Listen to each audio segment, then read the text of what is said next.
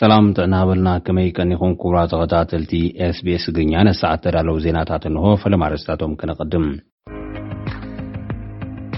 ኣቦ ወንበር ሉኣላዊ ባይቶ ሱዳን ጀነራል ዓብዱልፋታሕ ኣልቡርሃን ኣብ ኤርትራ ናይ ስራሕ ምብጻሕ ፈጺሙ ኣብ ከተማ መቐለ ዝህነጽ መፍረይ ሓጺን ሌጀንድ ብወግዒ ተኸፊቱ ቆሞስ ኣባ ሰረቀብርሃን ብፁዕ ኣቡነ ሰላማ ተባሂሎም ሊቀ ጳጳስ ሃገረ ስብከት ኣውስትራልያን ኒውዚላንድን ኮይኖም ከገልግሉ ተሸይሞም።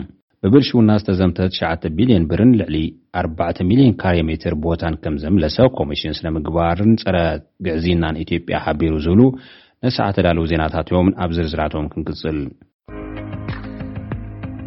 ኣቦ ወንበር ሉኣላዊ ባይቶ ሱዳን ጀነራል ዓብዱልፋታሕ ኣልቡርሃን ኣብ ኤርትራ ናይ ስራሕ ምብጻሕ ፈጺሙ። ኣቦ ወንበር ሉኣላዊ ባይቶ ሱዳን ጀነራል ዓብዱልፋታሕ ኣልቡርሃን ትማሊ ሰንበት ዕስራን ሽዱሽተን ሕዳር ኣብ ኤርትራ ናይ ስራሕ ምብጻሕ ከምዝፈጸመ ተገሊጹ'ሎ። ጀነራል ዓብዱልፋታሕ ኣልቡርሃን ሰዓት ሰለስተ ድሕሪ ቀትሪ ብኣቆጻጽራ ኤርትራ ኣብ ኣህጉራዊ መዕርፎ ነፈርቲ ኣስመራ ኣብ ዝኣተወሉ ወቕቲ ፕረዚደንት ኢሳይያስ ኣፈወርቂ ከምዝተቐበለ'ውን ተሰሚዑ'ሎ።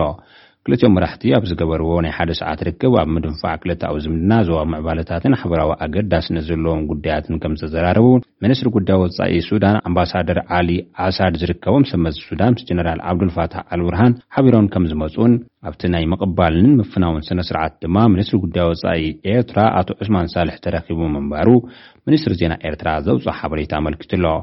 ብተዛማዲ ዜና ዋና ጸሓፊ በዓል መዚ በይነ መንግስታት ልምዓት ምብራቕ ኣፍሪካ፣ ኢጋድ፣ ወርቅነህ ገበየሁ ምስ ኣቦ ወንበር ሉዓላዊ ቤት ምኽሪ ሌተናል ጀነራል ዓብዱልፋታህ ኣልቡርሃን ኣብ ጅቡቲ ከምዝዘተዩ ተገሊፁ ኣሎ። ኣብ ዘተኦም ድማ ኣብ ሱዳን ዘሎ ፀገም ንምፍታሕ ኢጋድ ኣብ ዝፃወቶ ወሳኒ ግደ ትኹረት ዝገበረ እዩ ተባሂሉ። ኣብታ ሃገር ዘላቒ ሰላም ንምምፃእ ብሓባር ንምስራሕ ጉባኤ ኢጋድ ንኽፅዋዕ ከምዝተሰማምዑ ድማ እቶም ዋና ፀሓፊ ኣብ ማሕበራዊ መራኸቢኦም ፅሒፎም ኣለው።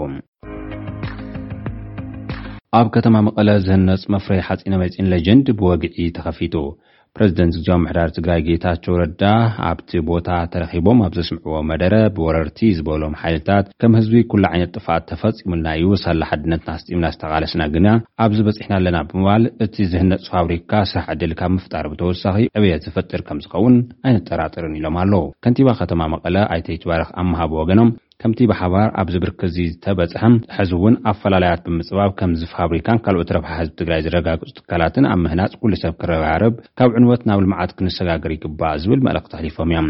እቲ ኣብ ከተማ መቐለ ንክህነጽ ዕላዊ ዝተገብረ መፍረዪ ሓጺነመጺን ብልዕሊ ሽዱሽተ ቢልዮን ብር በጀት ዝስራሕን ኣብ ቀዳማይ ዙር ንሰለስተ ሽሕ ዜጋታት ስራሕ ዕድል ዝፈጥር ፕሮጀክት ምዃኑ ዝገለጸ ምክትል ኣካያዲ ስራሕ'ቲ ትካል ሚስተር ሉላን እቲ ፕሮጀክት ኣብዚ ብርኪ እዚ ንክበፅሕ ብወገን ግዝያዊ ምምሕዳር ትግራይ ንዝተገብረ ተበግሶን ሓገዝን ብምንኣድ እቲ መፍረዪ ሓፂን ናይ ከባብታት እታወታት ስለዝጥቀም ናይ ትግራይ ኣታዊ ሓፍ ዘብልን ሸርፊ ወፃኢ ኣብ ምምፃእ እውን ተራ ከምዘለዎን ሓቢሩ ኣሎ። ህንፀት እቲ ፋብሪካ ኣብ ውሽጢ ዓሰርተ ኣዋርሕ ከምዝዛዘም ትልሚ ተታሒዙ ከምዝርከብ ዝገለፀ ኣተሓባባሪ እቲ ፕሮጀክት ኣይተ ገብረመድህን ኩለመዳያዊ ህንፀቱ ድማ ምስ ህዝቢ እቲ ከባቢ ብምርድዳእ ከምዝትግበርን እታወታት እውን ምስ መስፍን ኢንዳስትሪያል ኢንጂነሪንግ ሚእቲ ሚኢታዊት ክፍሊት ከምዝተፈፀመን እዩ ተገሊፁ ዘሎ። ግዝያዊ ምምሕዳር ትግራይ ሓምሳ ሚሊየን ብር ንብድርቂ ዝተጎድኡ ወገናት ከምዝሰለዐ ተገሊፁ። ኣብ ትግራይ ብፍላይ ኣብ ዞባታት ማእኸል፣ ምብራቕ፣ ደቡብ ምብራቕን ደቡብን ዘጋጠመ ከቢድ ድርቂ ምኽንያት ሰባት ብጥሜት ይሞቱ ከምዘለዉ ዝገምገመ ካቢኔ ግዝያዊ ምምሕዳር ነቲ ሓደጋ ንምክልኻል ሓምሳ ሚሊየን ብር ከምዝመደበ ገሊፁ ኣሎ። ነቲ ኩነታት ዘፅንዑ ክኢላታት ናብተን ሓያል ድርቂ ዘጋጠመን ከባብታት ከምዝኸዱ ዝሓበረ እቲ ግዝያዊ ምምሕዳር ማሕበረሰብ ዓለም ሰብኣዊ ሓገዝ ብእዋኑ ከቕርብ ብዘይምኽኣሉ ህዝቢ ትግራይ ንኸምዚ ዝኣመሰለ ኩነታት ከምዝተቓልዐ እዩ ገሊፁ። ማሕበረሰብ ዓለምን መንግስቲ ኢትዮጵያን ድርቂ ብዝፈጠሮ ጥምየት ዝሞቱ ዘሎ ህዝቢ ትግራይ ንምድሓን ግቡኦም ንኽፃወቱ እውን ፃውዒት ኣቕሪቡ ኣሎ። ካልኦት ገበርቲ ሰናይ ድማ ብወገኖም ምስቲ ዝግበር ዘሎ ምርብራብ ኢዶም ክሓውሱ እዩ ሓቲቱ ዘሎ። ቆሞስ ኣባ ሰረቀብርሃን ብፁዕ ኣቡነ ሰላማ ተባሂሎም ሊቀ ጳጳስ ሃገረ ስብከት ኣውስትራልያን ኒውዚላንድን ኮይኖም ከገልግሉ ተሸይሞም።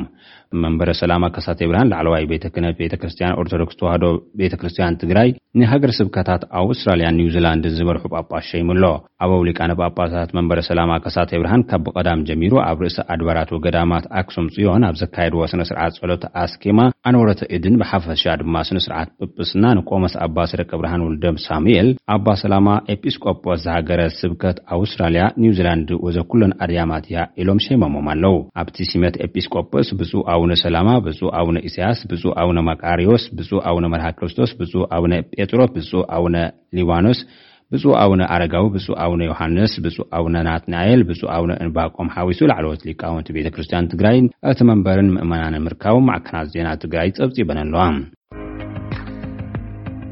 ብብልሽውና ዝተዘምተ ትሽዓተ ቢልዮን ብርን ልዕሊ ኣርባዕተ ሚልዮን ካሬ ሜትር ቦታን ከምዘምለሰ ኮሚሽን ስነ ምግባርን ፀረ ግዕዝይናን ኢትዮጵያ ሓቢሩ።